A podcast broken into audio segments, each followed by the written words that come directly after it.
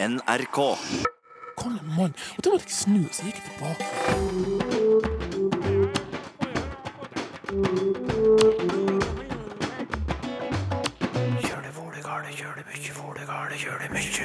Har du hørt om eggcorns? Nei, det er ikke ei røre med egg og mais, men ei språklig røre, på en måte. På norsk har vi jo en eh, sykdom som kalles glutenintoleranse. Den har også en eggkornvariant da, i glutenintoleranse. Og vi har ikke gjort oss helt ferdig i bærskogen, så vi tar turen dit i dag òg. Og lærer nytt om navn på bær, som bjørnebær f.eks. På dansk så heter det brombær, og bjørnen sier jo brum. Uten at det egentlig har sammenheng. Velkommen til Språkteigen. Språket er et lunefullt farvann å bevege seg i. En bokstav eller én lyd kan avgjøre om ordet kommer ut rett eller feil. Men blir det feil, så kan det likevel gi mening. Og noen ganger oppstår det et nytt ord med en ny mening, men som virker riktig i sammenhengen, og som mange derfor automatisk vil forstå og fortsette å bruke. Dette fenomenet har fått et eget navn på engelsk, nemlig eggcorns. Og slikt syns du er artig, lingvist Georg Kjøll. Ja, dette er jo et fenomen som vi er glad i, som er morsomt. Og eggcorn er et uh, eksempel på en spesifikk form for uh, misforståelse. Og dette er et faguttrykk som er i, i bruk. Man snakker om uh, en eggcorn som en, som en misforståelse hvor man bytter ut ett ord, eller bytter ut en lyd i et ord, og får et annet ord. Men uh, dette ordet blir da noe nytt og meningsfullt, uh, eller noe som høres ut som gir uh, mening. Da. Men hva er eggcorn, utover å være et ord som inneholder egg og mais? Ja, Eggcorn er egentlig en eh, eikenøtt, eller en misforståelse da, av eh, det engelske ordet for eh, eikenøtt.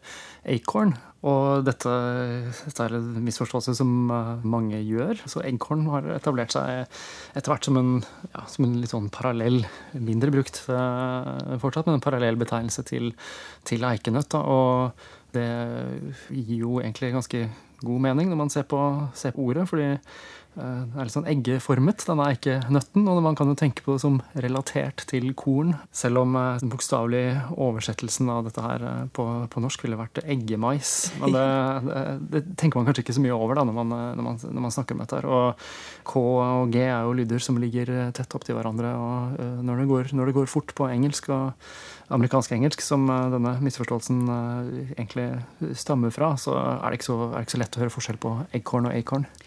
Før vi hører mer om hvordan sjølve faguttrykket oppsto, kan ikke du gi et par eksempler på det på engelsk? Ja, det er, en rekke eksempler på, på engelsk. Hvis man snakker om at noe er next door, altså eh, døren ved siden av, eller naboen, og isteden snakker om det som next door, altså den neste butikken, så er det et eksempel på en eggkorn. Så en out of body experience, eh, en ut av kroppen-opplevelse, er eh, ofte misforstått som en outer body experience, altså en ytre kroppsopplevelse, eh, som virker å gi et signal om at man har litt sånn rar anatomisk forståelse av enten seg selv eller andre. Selv om man sikkert kan se for seg at det er, det er scenarioer hvor det der, det der er en faktisk beskrivelse av et eller annet. Eh, Man snakker om TV som pay per view. Altså man kan betale for å se en boksekamp eller en fotballkamp. Men det er også ikke uvanlig å høre om folk snakke om pay per view. Altså eh, å bytte ut eh, betaling med papir isteden. Selv om det egentlig gir mindre mening, så, så er det så små nyanser her at eh, det er ikke så rart at disse eggcorns-fenomenene oppstår. Men så det er jo disse, disse eksemplene her da, hvor man eh, tar en del, og så, og så har man noe annet meningsfylt uh, i et ord i vokabularet sitt som man kan putte inn isteden. F.eks. man kan snakke om noe som vilkårlig, på engelsk som haphazard. Uh, Men hvis man isteden snakker om det som half-hazard, fordi hap ikke er et spesielt vanlig ord, men half er mer vanlig, så, så ender man opp med halvfarlig isteden. Det er en ny mening, men, men uh, det man kanskje mente med det, var vel, det var vel opprinnelig, og sånn sett er det en eggkorn.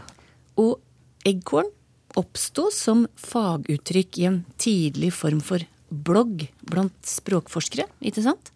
altså selve begrepet eh, ble først eh, tatt som en term av et bloggkollektiv som eh, holder til i USA, eller som har sin, sin base i USA på ulike universiteter. Det er språk, språkvitere, lingvister, som jobber bl.a. på Stanford. Og observerte at dette, dette, fenomenet her det var jo ganske vanlig, og eggkorn kunne fungere som en veldig bra benevnelse på det.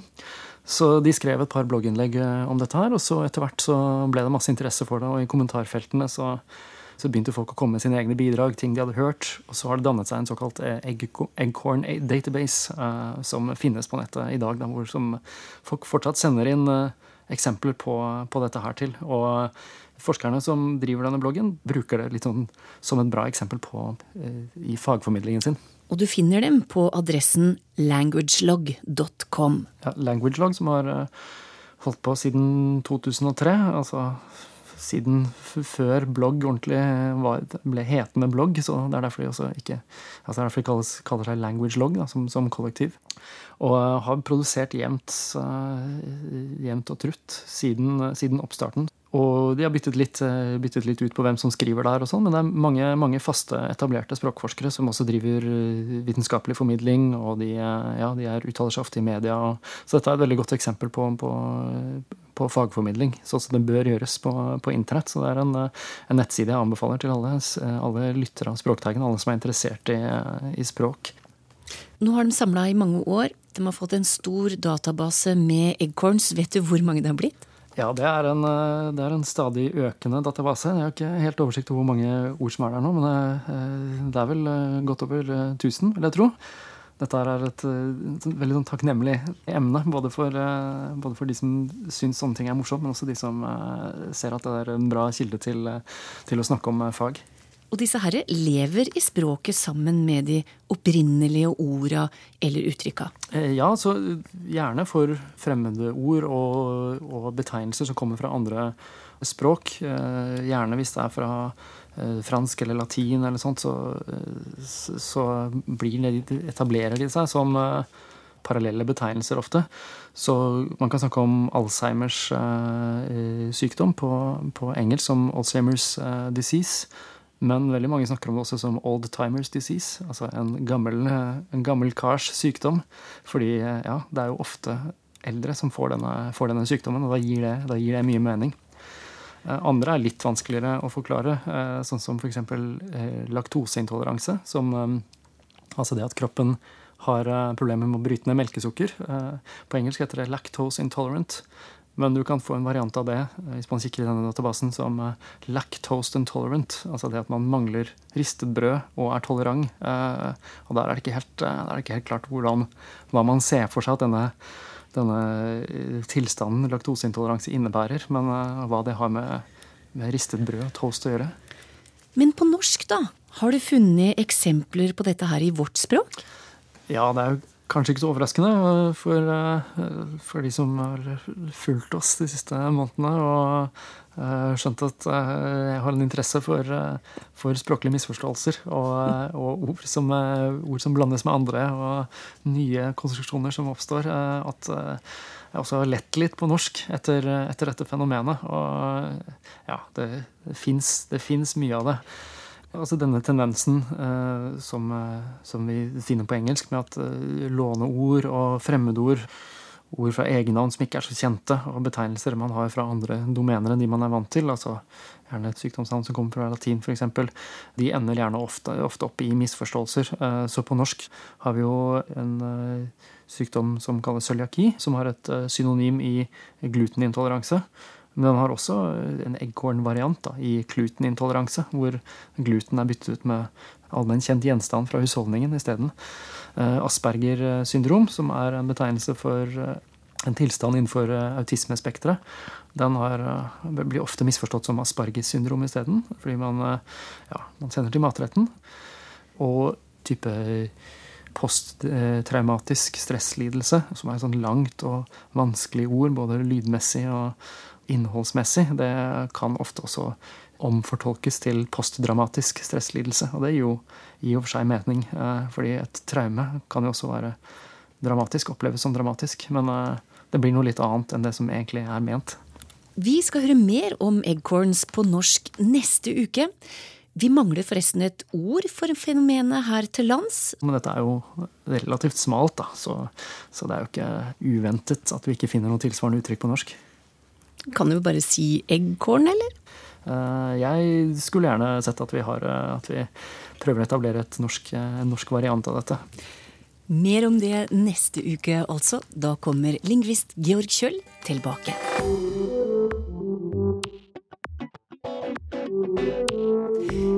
Har ikke gjort oss helt ferdig med bærhøsten her i Språkteigen. Jeg har tatt fram et nytt spann som vi skal fylle med deilige bær, mens vi tar for oss navn på bæra og hører om dialektforskjeller og forskjeller mellom de skandinaviske språka. Vår guide på tuer og i busker og kjerr, det er Christer Vasshus, doktorgradsstipendiat tilknytta språksamlingene ved Universitetet i Bergen. Og første stopp i dag er i et bringebærkjerr. Bringebær i norsk blir stort sett kalt bringebær. En kan òg bare kalle det for bring, eller villbring, gjerne. Første leddet der, bring, det har sammenheng med det som blir i engelsk så kaller de det for brambles. Det er liksom en overbetegnelse over den type bær, altså bjørnebær, bringebær og boysenbær osv. Og, og rota i det ordet, det er bram, som har å gjøre med torner. Det betyr altså tornebusk. Eller torner, egentlig. Så her har vi snakket om et bær som er kalt opp etter planten det vokser på. For det, bringebærplanten har, som sikkert mange kjenner til, noen ganske små, kvasse torner. Mens i, i svensk, der en eh, ofte kan kalle det for hallon, der er det to mulige tolkningsforslag, sånn som jeg ser det da. Altså Enten så har det sammenheng med eh, et ord som betyr stein. Og det må komme av at de vokser på sånn steinete marker, eh, åpne marker med stein. Så det er et lavt næringshold i jorda. Der vokser bringebær veldig fort fram. Men det kan òg ha eh, sammenheng med ordet helning, altså en bakke. Eh, og det òg igjen har med voksested å gjøre. Altså de, de vokser fram i grøfter og bakker som ligger brakk ei stund. Det kan ikke ha noe med å gjøre at det er steiner i sjølve bæra, da? Det tror jeg ikke, for det, disse, det ordet for, eh, for, stein, altså halr, eh, i, i oldnordisk, det er større steiner Mm. Altså det er ganske store steiner. Men det fins bær som har blitt oppkalt etter å ha store steiner i bæremnene. Men eh, da skal steinene være store eller harde for at de skal skille seg godt nok ut som, eh, som egenskap til at en har gitt navn til bæret. Mm. Og så var det dansk. Dansk, ja. Himbær. Og det er altså et mystisk navn. Himbær. Hva er dette him? Eh, det staves riktignok hindbær. Ja. Og hind, det er et annet ord for kolla, altså eh, hjortedyret. Hukjønnet på hjortedyret. Hjortekolla. Ei hind. Hvorfor har en oppkalt et bær etter en, et dyr som ikke er spesielt glad å spise dette bæret? Det, det syns jeg er litt mystisk. Jeg har fundert en del på det. og har lagt merke til at rådyr ofte legger kalvene sine i bringebærkratt. Det kan være at en har observert dette tidligere, at eh, hjortekoller går langs krattet for å liksom passe på kalvene sine. Men det er litt mystisk, det der. altså. Jeg vet ikke om det helt holder vann. Vi skal traske litt videre, og kanskje holde oss til det som er litt mystisk, når vi stopper opp ved bjørnebæret. Ja. ja. Navnet bjørnebær på norsk det er òg litt mystisk. For det bærenavn som inneholder ordet bjørn, det, de er ofte ikke spiselige. Altså, De trenger ikke være giftige, men ordet bjørn har ofte en sånn avskrekkende Ja, de, de blir brukt om bær som ikke blir brukt spesielt mye i mat. Det gjelder òg en del andre dyr, f.eks. ravn, rev, orm, padda. Men en av Grim-brødrene, som òg var språkforsker, ja. han mente at bjørnebær nok kunne hete bjørnebær fordi en har hatt en idé om at de vokser opp av bjørnelort. Bjørnelort kan sånn sett godt inneholde alle andre bær, så hvorfor bjørnen skulle gi navn til bjørnebæret, det, det er òg litt mystisk, altså. Mm. Og svensk, da? Svensk, der kaller de det òg bjørnebær. Men eh, på dansk så heter det brombær, og bjørnen sier jo brum. Uten at det egentlig har sammenheng. For eh, brum i det danske brombær, det har sammenheng med bring i, eh, i bringebær i norsk. Altså tornene. Eh, så i, i dansk så har en altså òg oppkalt bjørnebæret etter det vi har oppkalt bringebæret i norsk, altså tornebuskene. Og hvilke dialektvarianter finnes det? Eh, det er nokså entydig bjørnebær. Altså bjørnebær, bæret bjørnebær er ikke bare ett bær, det er faktisk en stor gruppe med, med flere forskjellige arter. Um, og, og, det er nok godt mulig at de ulike artene har hatt sånn sær, særlige navn i noen dialekter, men, men, så vidt jeg har funnet her, så er det altså eh, nokså liten dialektvariasjon her. Eh, det er bjørnebær og brombær. Vi har litt mer plass i spannet, så på toppen kan vi jo legge noen små jordbær. Jordbæret. Mm. Ja. ja. Eh, altså i, i, både norsk og dansk og svensk så sier vi jordbær om jordbær. Gjør vi det? Ja, vi gjør det. Og det, det har å gjøre med hvordan bær vokser. Altså et tungt jordbær det steng, altså trekker stengelen ned til å ligge på jorda. Eh, det er det samme grunnprinsippet som er i tysk erdbære. I svensk så, eh, så kaller de det òg for jordgubber. Eh, ja. Og da tenker en gjerne på de, eh, disse framavla sortene som er slags hybridbær. Og det er de store, tamme, framedla sortene som vi spiser og kjøper i butikken. Markjordbær, derimot, det blir på svensk kalt for smultron. Ja. Smultronstelle. Mm. Åh, det er deilig. Og ordet smultron er òg deilig. Og igjen så har smultron, altså smult, det har med smelta å gjøre de modne bær, og de smelter på tunga. Jeg får nesten vann i munnen bare av å tenke på det her. eh, så det har, med, det har med smelta å gjøre. Um, men, men, altså, en kaller det både jordbær, markjordbær, skogjordbær osv. I, i de skandinaviske dialektene òg. Men altså, i, i, Sverige så er det smultron og jordgubber som er det mest brukte det er navneforsker Christer Vasshus som følger Språkteigen på bærtur i høst. I dagens runde med lytterspørsmål skal vi til sportens verden, og det er Jørn Pedersen som lurer på bruken av uttrykket 'å trekke det lengste strået', etter å ha hørt følgende. Ramos Vignolas trakk det lengste strået i et kritisk tiebreak i første sett i en kamp mot Kasper Ruud. Passer det med det lengste strået her, spør Jørn, ettersom det refererer til ren flaks, men tennis er jo ikke bare ren flaks. Ja, det vil jeg absolutt si, og jeg tillater meg å ikke være helt enige. Det er klart at det er et element av flaks i tennis, som i alle sportsgreiner. For eh, det er vel slik at den ballen, den detter jo ned, og har du litt uflaks, så detter den ned tre millimeter utafor streken. Og har du litt flaks, så detter den kanskje ned akkurat på streken eller innafor. Det må jo være flaks. Eh, sjølsagt er du dyktig, men eh, at det er et element av flaks i tennis som i andre sportsgrener, det, det vil jeg si absolutt. Og derfor syns jeg ikke det er kritikkverdig å si at eh, den og den trekte det lengste strået i en tenniskamp, fordi at det er klart å trekke strå og dra strå det er det samme som når vi trekker lodd, altså det har med flaks å gjøre, du trekker det lengste strået da, liksom. Men det har òg blitt et ord for å vinne. Trekker du det lengste strået, så vinner du. Og derfor syns jeg det er helt ok å si at noen vinner en tenniskamp, altså de, de trekker det lengste strået i den kampen.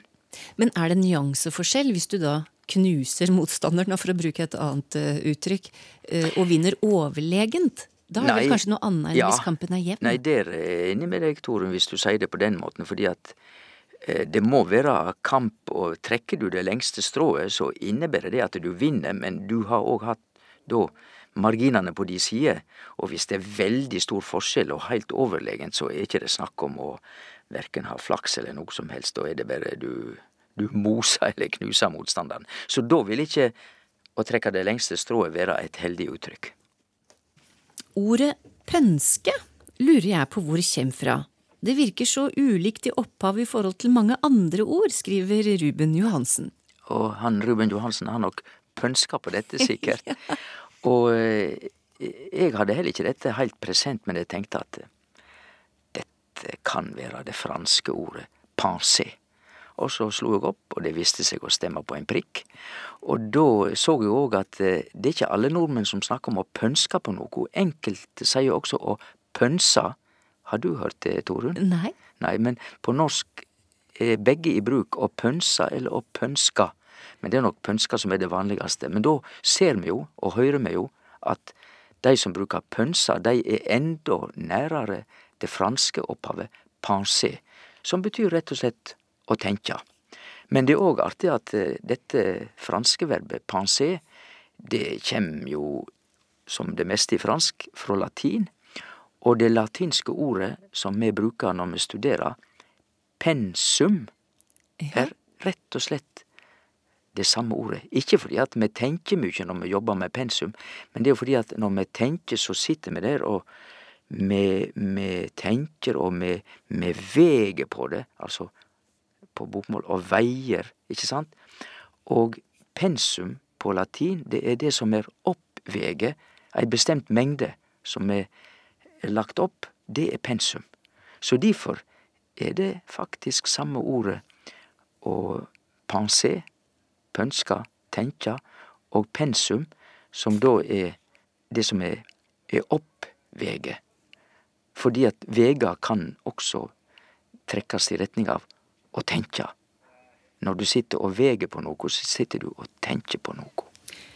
Jeg lurer på hvorfor det heter å slå gresset, når det en faktisk gjør, enten er å skjære det på gammelmåten med ljå, eller å klippe det med motorisert verktøy. Det er Mette Bakken Skaurud som spør. Ja, jeg forstår godt spørsmålet. Vi kunne jo snakke om å, å skjære gresset og klippe det, men det gjør vi altså ikke. Og det gjør vi fordi at hvis du ser på en skikkelig gammeldags, altså i gamle dager som står miljøen, en slåttekar, og ser hvordan han arbeider Det han egentlig gjør, han står jo med orvet, og så slår han. Han slår til gresset. Og kniven gjør jo at gresset blir kutta, men han, han står jo og slår. Du slår med et orv fordi at det er jo akkurat den rørsla å slå. Og derfor er jo òg slåtten, høyonna, det er slått når du har slått gresset. Og det er akkurat det samme med musikk, i, altså i folkemusikken. Ein slått har med å slå, altså slå takten å gjøre. Det er ingen tvil. Det er samme ord, samme substantiv, men med ganske forskjellig bruk i den forstand at det viser til ganske ulike ting. Så da har vi bare beholdt den måten å si det på, da, sjøl om vi fikk en plenklipper med motor? Det er nettopp det som er tilfellet, ja. Vigleik Arnbjørn Haga skriver Jeg sitter her og leser Howard Piles bok fra 1901 om kong Arthur. I denne boka så er det mange prektige riddere og stolte gangere. Sistnevnte utstyres til stadighet med de mest utsøkte skabberakker. Altså i melkehvit silke og i purpurrød fløyel. Men i dagligtale så er jo skabberakk noe helt annet enn praktfullt og vakkert. Hvordan kan et ord gjennomgå en så total devaluering, spør han. Ja, det kan han lure på, men jeg kan jo si til Vigleik Haga at det er slett ikke uvanlig at ord gjennomgår ei endring i innholdet, og vi fagfolk snakker da om semantisk gliding, altså innholdsmessig gliding eller endring. For det er ikke tvil om at i dette tilfellet, skabberakk, så er det det som blir omtalt her aller først, dette som flotte stoffet som blir lagt over hesten og som eh, henger ned på sidene, og det er melkehvitt silk og purpurrød fløyel og alt mulig. Eh, så det er egentlig et sitt og utsauma og veldig prydefullt hestedekke. Det er den opphavlige meininga, det er ikke tvil om. Og i tyrkisk, og, det, og så har vi lånt det inn. Men så har dette etter hvert fått ei semantisk endring i retning av noe som er uformelig og, og svært og ikke heilt til å Ja, det er uformelig, kort og godt. Med andre ord negativt. Mm. Og da er vi i den eh, meininga og i den bruksmåten som nordmenn flest kjenner det som, et skabberakk, og jeg vet ikke om du, Torunn, har hørt det, men jeg ville ha hørt, iallfall i mange talemål i Norge, at de sier et skikkelig skabberakkels, altså legg på den ELS til slutt. Men det er jo skabberakk som er utgangspunktet. Så dette har gått fra noe veldig høgverdig og flott, et nydelig, stort hestedekke, til å ha blitt noe uformelig og stygt og ikke pent og i det hele tatt. Og dette syns Vigleik Haga er jo utrolig som utvikling. Jo, det er jo det, men vi har, vi har flere. Vi kan jo ta for eksempel Ja, det er kanskje ikke helt det samme, men like dramatisk iallfall. Ta ordet verpa, som jo i vår tid tyder bare å legge egg. Mm -hmm. Men for tusen år siden, i norsk, så var meninga til verbet verpa å kaste, rett og slett. Så vikingene de verpa spjot, altså de kasta spyd, og de verpa stein, kasta stein, alt mulig. Og så har dette blitt innholdsmessig innsnevra til bare å gjelde det som høna kasta fra seg, altså egget, verpa. Men vi ser jo i tysk stadig vekk at eh, de bruker dette ordet i den i hermetekken den korrekte historiske mening, for det tyske ordet som tilsvarer verpa, er jo verfen. Og verfen betyr stadig vekk på tysk å kaste. Fra barneskolen husker jeg at vi sa fus som i først til å velge, skriver Eirik Havenstrøm. Jeg har forstått at det kan komme fra norrønt og bety ivrig og lysten, men vet vi mer om ordet, og stemmer det han eh, sier? Det stemmer helt, Og da veit vi jo en god del om ordet når vi veit at dette eksisterte på gammelnorsk, fus, og det Tyinga var da å være ivrig eller lysten på, altså å rett og slett være på hogget. Og da skjønner vi òg hvorfor det i mange målføre i moderne norsk har blitt tatt ord for jeg er fus, altså jeg vil være først. Eh, Men vi har det òg i andre ord. Vi har det i framfus. Har du hørt det ordet, Tore? Ja. For da er du, da er du ivrig på å komme fram. Og hevnfus, det er jo ikke så bra, men da er du ivrig på å ta hevn, hvis du er hevnfus. Og til og med på kjøkkenet kan vi ha samme ordet, men da er ikke det u, men y. Altså fysemat, det kommer fra fus.